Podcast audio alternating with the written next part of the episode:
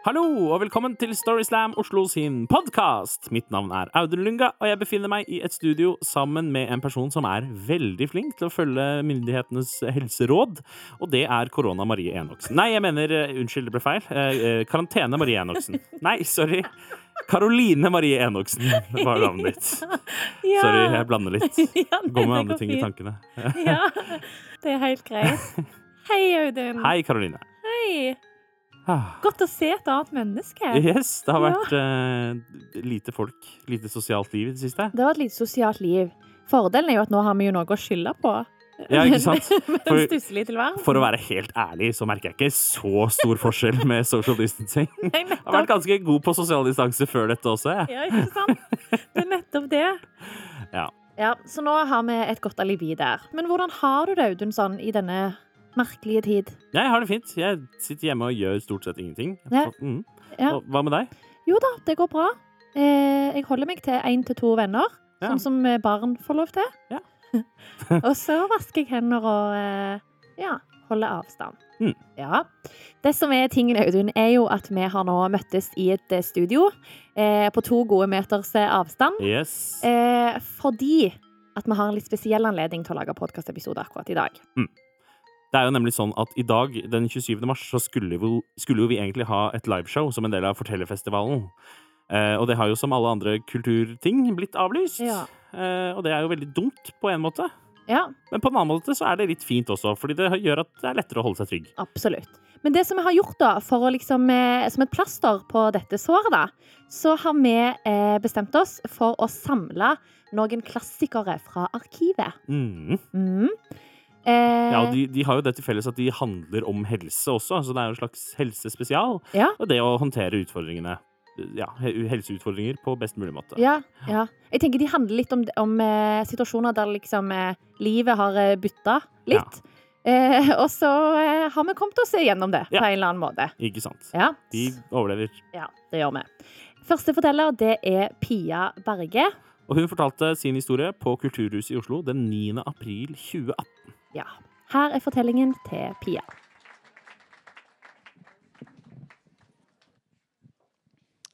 Ok, så jeg er 18 år, og livet, det skal starte nå. Jeg har flytta fra lille Askim til den pulserende storbyen Halden. Og jeg er så spent.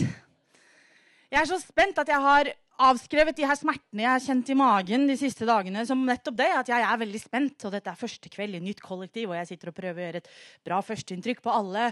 Men jeg merker at de her magesmertene de begynner å ta litt overhånd. Men jeg har ikke lyst til å si noe til noen, for jeg gidder ikke å bli hun Pia med magevondt. Så jeg bare trekker meg opp på rommet og prøver å slappe av litt. Tida går, og det blir verre og verre. Og jeg har veldig lyst til å ringe mamma. Men det er også første kvelden jeg bor alene, så jeg skal ikke det. Så jeg strammer meg opp, selv om det på dette tidspunktet begynner å bli ganske vanskelig å stå rett.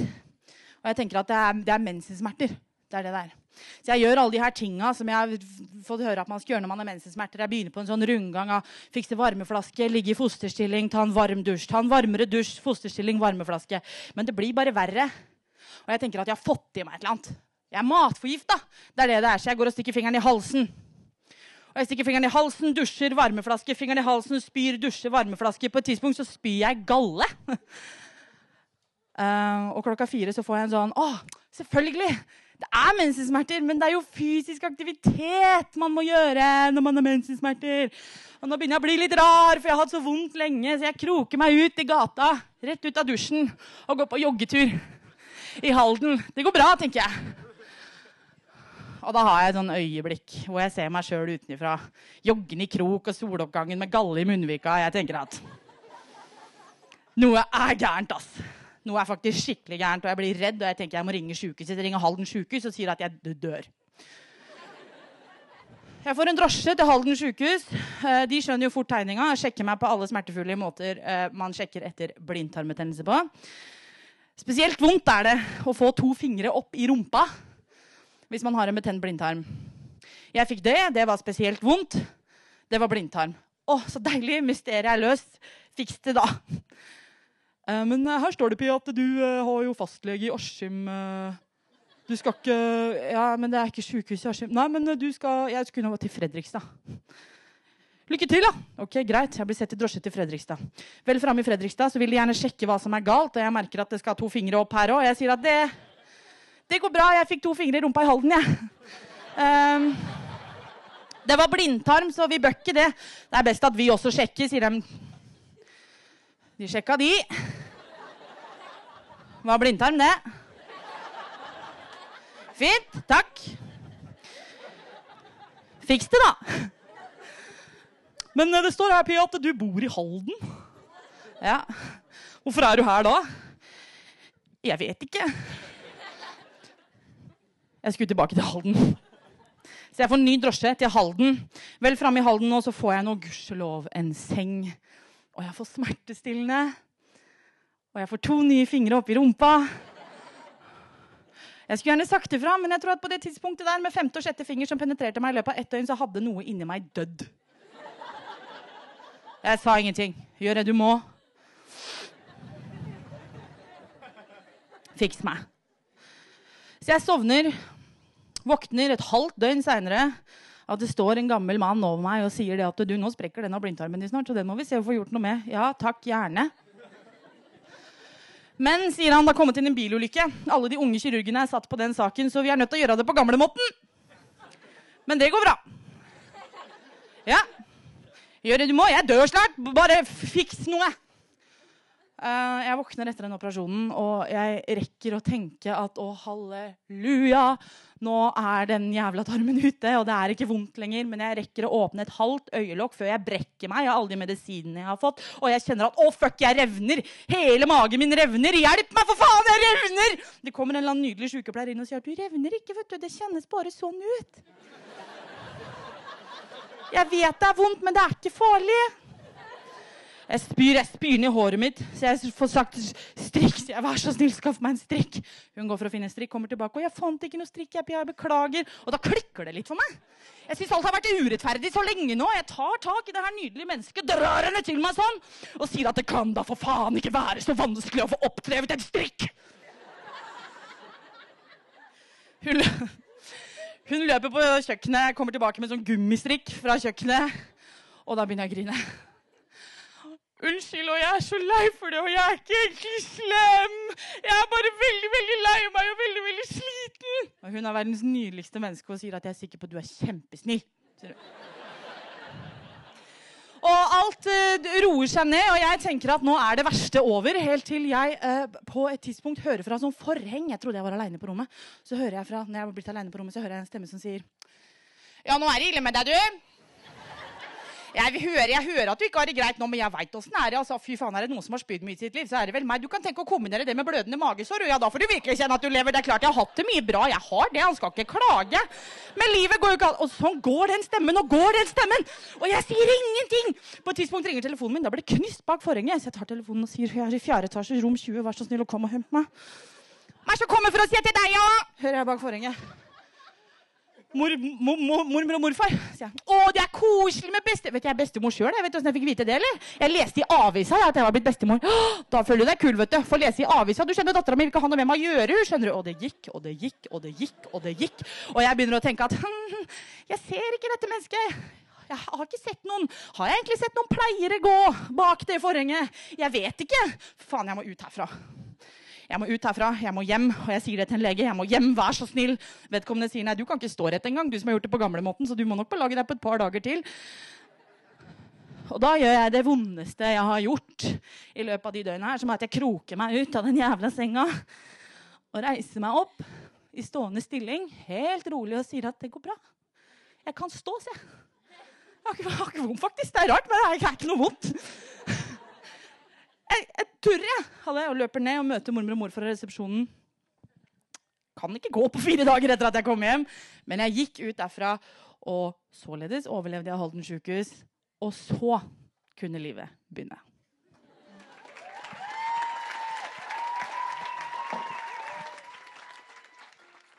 Takk til Pia for den underholdende og grafiske fremstillingen. Ja.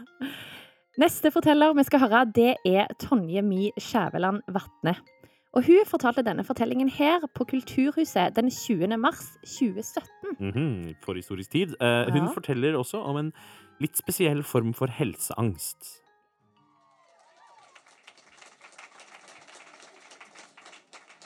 Jeg har hatt hiv fire ganger. Eller det vil si, jeg har trodd at jeg har hatt hiv fire ganger. Jeg har slitt med helseangst så lenge jeg kan huske. Og da er det jo litt ironisk at jeg velger å ta sykepleierutdanningen. Et studie som er preget av mange spennende sykdommer som jeg kunne få symptomer på. Sommeren før jeg begynte å studere, så drog jeg til Spania på jentetur. Det var en heisa tur med mye godt i glasset, seine kvelder, og det endte med en spanjol. Når jeg kom tilbake igjen og var godt i gang med studiet, så var en av pensumbøkene 'Helse, mikrober og sykdom'. I denne boken så fant jeg et kart hvor jeg kunne se hiv-utbredelsen på verdensbasis. Og når jeg så at hiv var litt mer utbredt i Spania enn i Norge, da kjente jeg at hjertet begynte å slå fortere. Altså, jeg visste som sykepleierstudent, og jeg vet også i dag, at hiv ikke er en dødsdom lenger. Man lever et helt normalt liv med hiv. Jeg visste også at sjansen for at jeg hadde blitt smitta i Spania, ikke var spesielt stor. Men eh, nå er det sånn at denne helseangsten min lytter ikke alltid til fornuft. Og eh, når tanken først hadde kommet, da klarte jeg ikke å kvitte meg med den. Det endte med en angst som var enorm.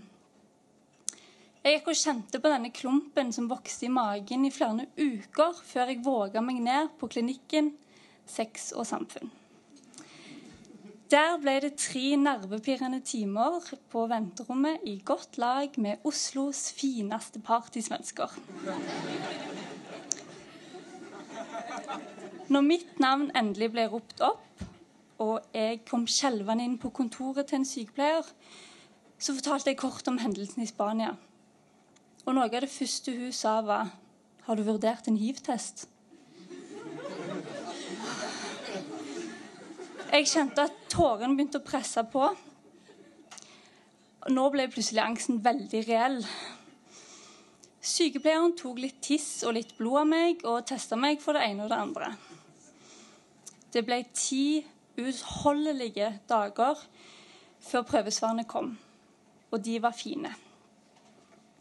Den andre gangen jeg trodde jeg hadde fått hiv, var når jeg møtte Jeg møtte en gresk gud i Hellas. Eller, ja, han så iallfall ut som en gud etter litt for mange Sex on the Beach. Når jeg kom hjem igjen fra denne ferien og begynte å lese pensum igjen, så Da kom hivangsten krypende. Nå hadde jeg òg lært litt mer om symptomene, og når jeg kjente etter, så hadde jeg kanskje noen av de.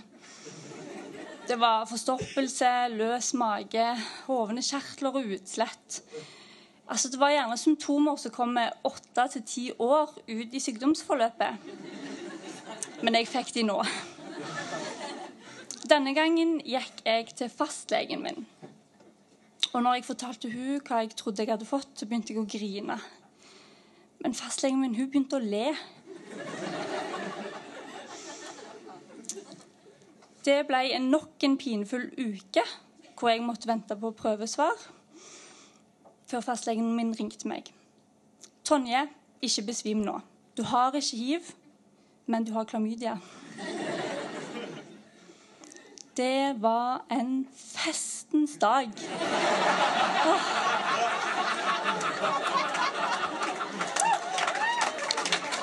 Ja. Jeg tror aldri noen har vært så glad for å få klamydia før. Det skal jo sies at jeg trenger ikke å dra på ferie for å få hiv. Den tredje gangen jeg trodde jeg hadde fått hiv, var når jeg møtte en merkelig fyr på blå, så jeg tok meg hjem. Um, jeg begynte igjen å utvikle symptomer på hiv, og jeg måtte gå til legen igjen. Denne gangen så begynte legen som sist å le, men denne gangen begynte jeg òg å le. Fordi på dette tidspunktet har jeg begynt å få litt selvinnsikt i galskapen min. Kort tid etter så fikk jeg meg kjæreste. Og det er jo drømmetilstanden til en som har angst for å få hiv. Nå kunne jeg leve dette livet mitt uten denne frykten, eh, sammen med min faste partner. I dag jobber jeg i rusomsorgen. Og midt i denne hivfrie perioden så klarte jeg å stikke meg på en sprøytespiss på jobb.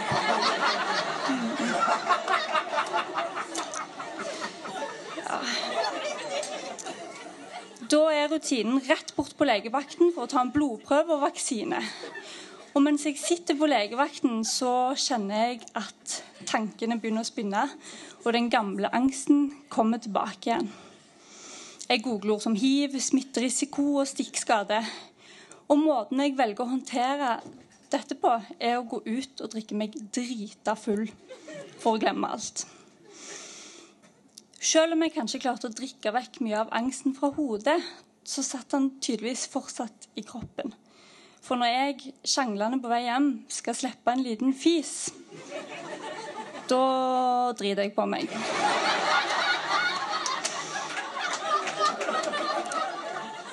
Ja. Det er jo, denne dagen kommer jeg aldri til å glemme. Og heller ikke ventetiden etterpå.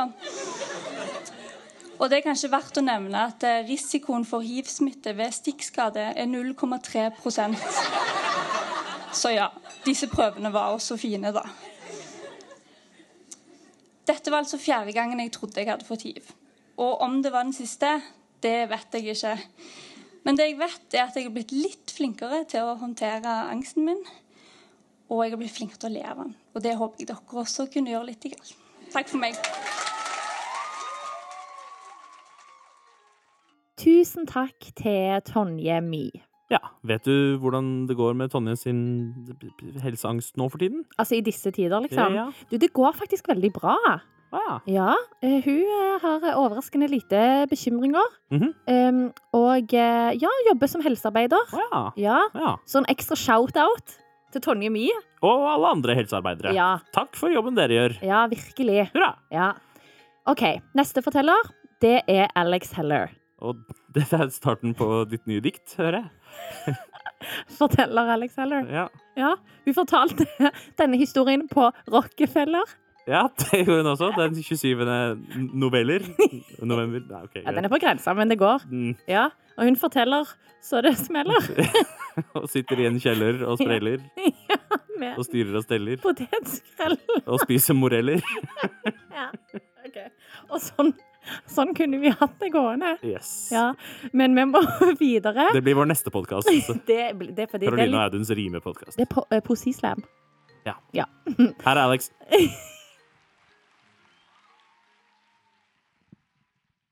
All my life, I've just wanted to stay dry when I wake up in the morning. I wet the bed until I was 14 years old. Some people wear diapers until they're like three. I wore them until I was 10. My mom used to be like, Alex, it's, it's not a diaper, it's a pull up. I'm like, you're ruining my life. I remember having the same dream like every night. I'm doing something normal, and then all of a sudden, I'm in a freezing cold river. Ah, it's my own piss. And I've been marinating in it like a steak for about 30 minutes. So I crawl into my parents' bedroom, but they have like this policy where they don't want me like sneaking in like a wet, slimy bitch next to mommy and daddy. So I sleep at the foot of their bed on the wooden floor like a wet dog. Woof. And then I was in fourth grade, and when you're a fourth grade girl, sleepovers are like a crucial part of making friends. You know, like eating Skittles and playing truth or dare and hiding in your sleeping bag while you discreetly put on your diaper. I remember my friends being like, um, what are you doing? And me being like, oh, uh, nothing. Why? We could not figure out why this was happening to me. When I was 12, I went to see a male urologist who's a doctor of the urinary tract.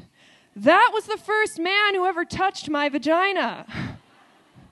I was 12. I'm laying on my back. My legs are just like up in those stirrups, and uh, I've just grown my first like three pubes.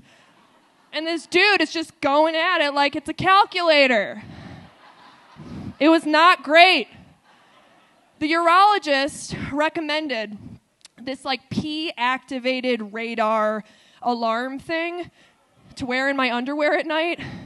Imagine like a tiny MP3 player, but it's in your pussy. And if it gets wet at night, it's just like re, re, re, re. So it's one failure after another. and then a little bit further down the line, a second doctor gave me some magic pills. I could take one before going to bed, and it would just like dry out my entire body, like I could not produce liquids. So I wouldn't wet the bed. And yeah, it was like questionably government approved. So I tried to only take those on special occasions like sleepovers or Christmas Eve or Hanukkah. I'm half Jewish. Um, I don't know why I said that quietly. I mean, it's been a while since the war. Um,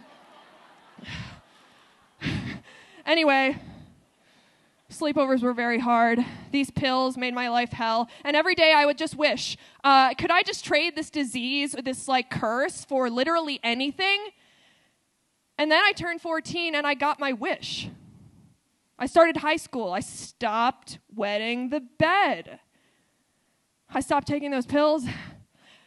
But then something else started happening. Um, I started getting these like mood swings. You know, they were intense. I was angry all the time. I recently reread my live journal from this time period, and it was I was very much a person who's like, you know, wishing death upon every member of my family because I didn't get an iPod for Christmas. Um, my profile picture avatar thing was a tree in the rain. But I went past the point of normal uh, teenage emo ness. It was a bit more extreme. I started having panic attacks. I, I started compulsively shoplifting. And not cool things like pants, weird things like frozen pizzas. I was, I was acting irrationally all the time. I remember uh, one time I got so mad at my dog that I, I, I decided, I'm going to cut myself. I'm going to do it. And then I tried to do it, but it really hurt. So I, I didn't do it. I just made like a tiny little dot. And then I walked around at school the next day, like, yeah, it was a rough night.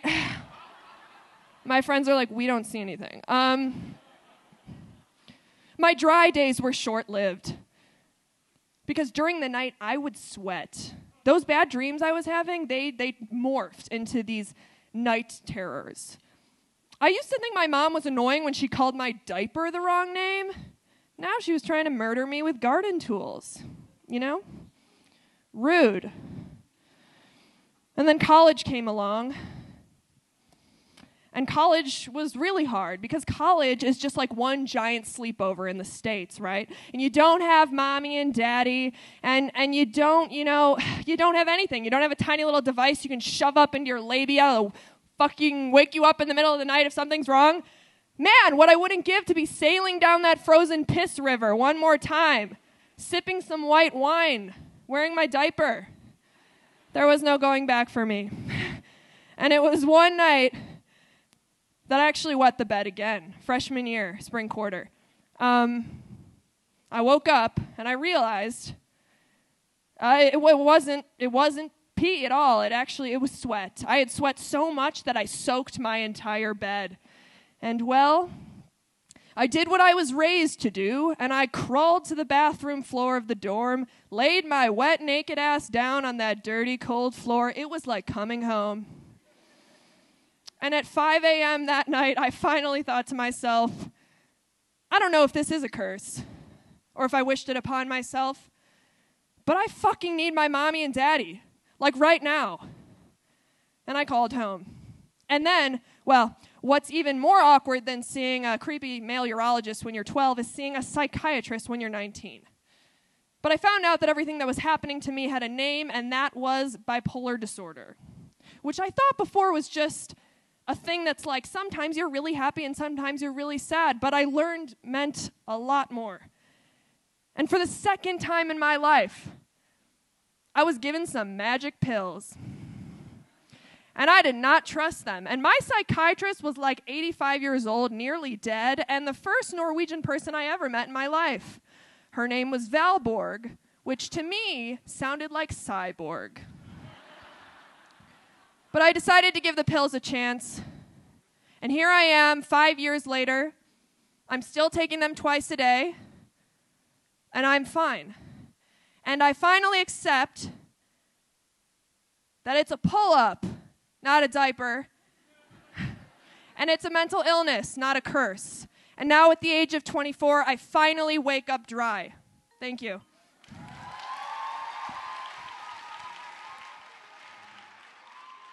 Tusen takk til Alex.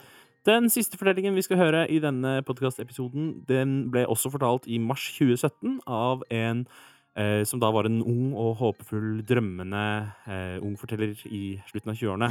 Ja. Eh, og som i dag er en eh, mer eh, verdensvant og bitter og kynisk eh, profesjonell kulturkvinne. Oh, wow. Karoline Marie Enoksen. Ja, yes. det stemmer. wow, ja. Ja. Det var mye å ta inn. yes. Det har skjedd mye på tre år. Ja da, absolutt. Men mm -hmm. mye av det er sikkert helt, helt riktig. Ja. Jo da, jeg tenkte at eh, nå får jeg buda på, da. Ja.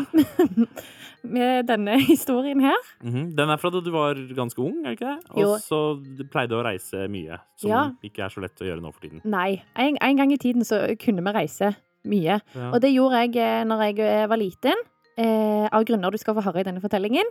Eh, men det jeg kan si er at den reisen her er en av de jeg husker aller best, og som jeg samtidig skulle ønske at jeg kunne glemme. Som mange av dere her inne bor jeg i Oslo. Men det har jeg ikke alltid gjort.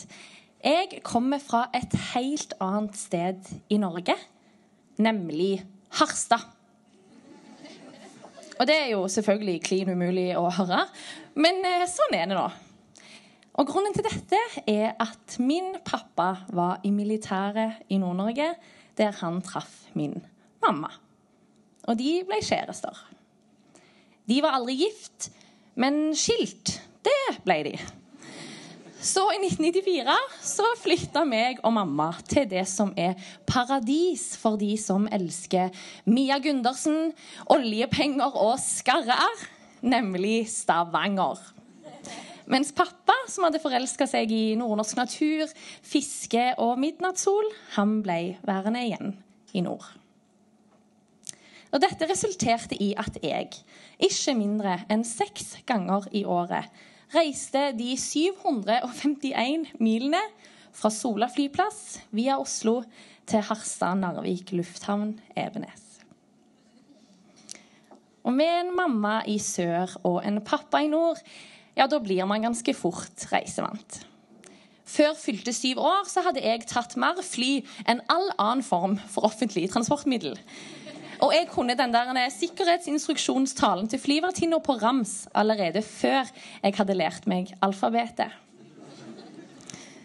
Dette betyr òg at jeg hadde gått med dette her velkjente 'Jeg reiser alene'-skiltet. Flere ganger enn det jeg kunne telle.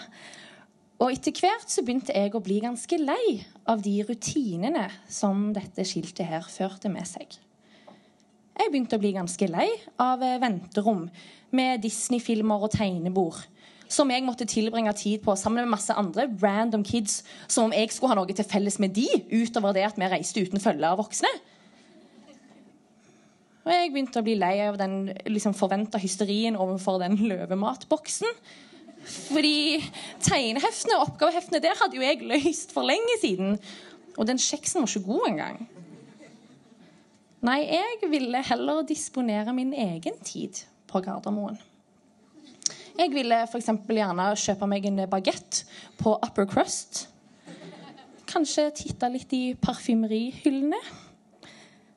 Ja, etter hvert som jeg nærma meg tenårene, så føltes dette skiltet utelukkende som ei tvangstrøye. I hvert fall for ei som var det hun sjøl ville omtalt som ganske reisevant og selvstendig.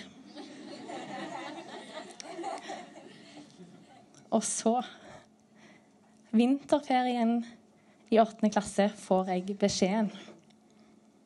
Jeg skal få lov å reise hjem til Stavanger uten jeg reiser alene-skiltet. Ja, ja. Dette er jo på dette tidspunktet så er sikkert dette et av de lykkeligste øyeblikkene i livet mitt. Og det er jo ganske trist å tenke på, men eh, Ja. Og det måtte jo selvfølgelig feires. Og det velger jeg å gjøre med det mest eh, selvfølgelige kulinariske høydepunkt som enhver ekte nordlending ville valgt, nemlig vårruller og stekt ris fra Mings Kina-restaurant i Harstad sentrum. Kun timer seinere så står et stykk spent Karoline klar ved gaten. Uten skilt. Jeg hadde endelig tredd inn i de voksnes rekker. jeg nå. Og jeg sto bare der og prøvde å ta inn denne overveldende følelsen av uh, uavhengighet. Men den følelsen jeg imidlertid tar mest inn når jeg står der, det er en ganske annen følelse. Det er en ganske kroppslig følelse av ubehag. Kroppstemperaturen min har begynt litt å øke, og jeg kjenner at det liksom murrer sånn i magen. Men så tenker jeg at det kan jo bare være sommerfugler og spenning eh, i forhold til den store jomfruseilasen som jeg nå skal ut på. Så jeg velger å ignorere det. Vel om bord i flyet, CT27F, så kjenner jeg at denne følelsen eh, blir verre. Og idet flyet letter og trykket øker, ja, da skjer det at Mings stekte ris og vårruller beveger seg opp gjennom spiserøret, ut munnen og utover hele meg, setet jeg sitter i, og Harry Potter og fangen fra Askaban-boka som jeg har i fanget. Og på dette tidspunktet her så har jeg aldri blitt dårlig på fly før. Men det skal jeg ta igjen for nå. Og hadde jeg nå hatt 'Jeg reiser alene'-skiltet på meg, så hadde jo jeg fått umiddelbar hjelp av en av de kabinansatte. Men siden jeg nå har frasagt meg all behov for medmenneskelig assistanse, så er jo jeg overlatt til meg sjøl og de rundt meg som jo prøvde å hjelpe meg med å gi meg en serviett eller to, men som de fleste av oss syns at oppkastet over gjennomsnittet er nasty, og derfor ville ha minst mulig med meg å gjøre. Jeg går slukøra av flyet på Gardermoen, der jeg skal vente tre timer på neste fly. Og det er her jeg skjønner at jeg er blitt matforgifta. Og dette skjønner jeg fordi at Mings stekte ris og vårruller nå ikke bare vil opp gjennom spiserøret, men de skal ut et helt annet sted. Så ikke nå har jeg bare oppkast på genseren, men jeg har diaré over hele den lyseblå fløyelsbuksa som jeg hadde fått i vinterferiegave fra pappa på JC. I et desperat forsøk på å skjule det som jeg ikke har klart å vaske vekk etter en halvtime inne på handikapdoen, så knytter jeg boblejakken min rundt livet, og jeg setter meg med gaten. Og her inntar jeg full resignasjonspositur. Alt jeg tenker på, er å komme meg hjem og få vasket av meg de ymse kroppsvæskene som nå har manifestert seg ut over alle plagg, og sammen med dette forhåpentligvis òg vaske vekk skammen.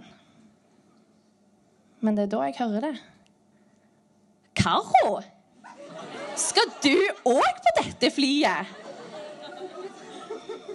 Og der står Cecilie ei av de kuleste jentene på Gauteset ungdomsskole, som òg hadde vært på vinterferie i Fredrikstad og skal ta samme fly.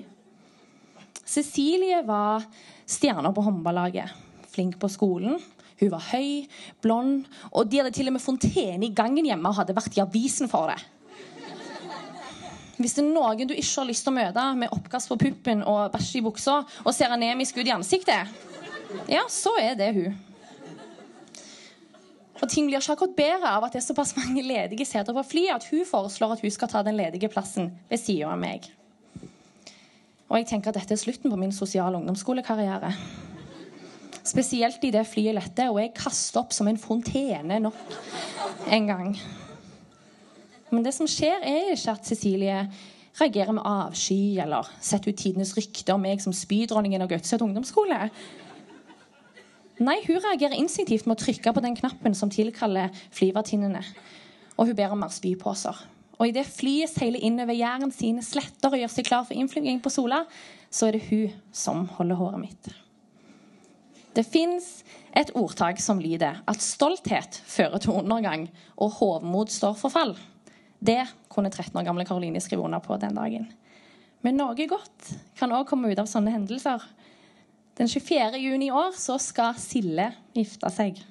Og forloveren hennes, det er meg. Takk. Tusen takk til deg, Karoline, for den historien som handler om oppkast, bæsj og nye venner. Som vel for øvrig også er tittelen på din selvbiografi, så er ikke det? Kommer i 2021, folkens. Oppkast, bæsj og nye venner. Karoline Maria Enoksens historie. Ja. ja. Eh, det var det. Eh, vårt neste liveshow det blir en eller annen gang. Ja. Når det er trygt å komme ut av hiene sine. ja. Og det gleder vi oss jo veldig til. Absolutt. Ja. Men i mellomtiden så eh, skal vi holde julen i gang med å lage podkast til dere. Vi har en del eh, fantastiske fortellinger som ennå ikke har blitt publisert. Mhm. eh, så det, vi lover at vi skal holde fortellingsfrekvensen Ja. oppe. Ja. Så følg med på podkast også. Japp. Eh, og Fortellerfestivalen, som da altså ble avlyst, eh, de satser på å komme tilbake i 2021 Ja. med masse fantastiske forestillinger og ja, fortellerforestillinger. da. ja. Og en Storyslam. Og kanskje en Storyslam, ja. Også. Eller to. Så følg med på det. Følg, følg de på Facebook, og sjekk de ut på fortellerfestivalen.no. Ja, og helt til slutt, vær trygge. Ja. Vask hendene. Ja. Ikke stikk ansiktet ditt opp i fjeset til Nei, noen andre. det var det hun sa? Ja. Nei. Vent, what? Dere skjønner Ja. hva vi mener. OK, ta vare. Ha det! Ha det.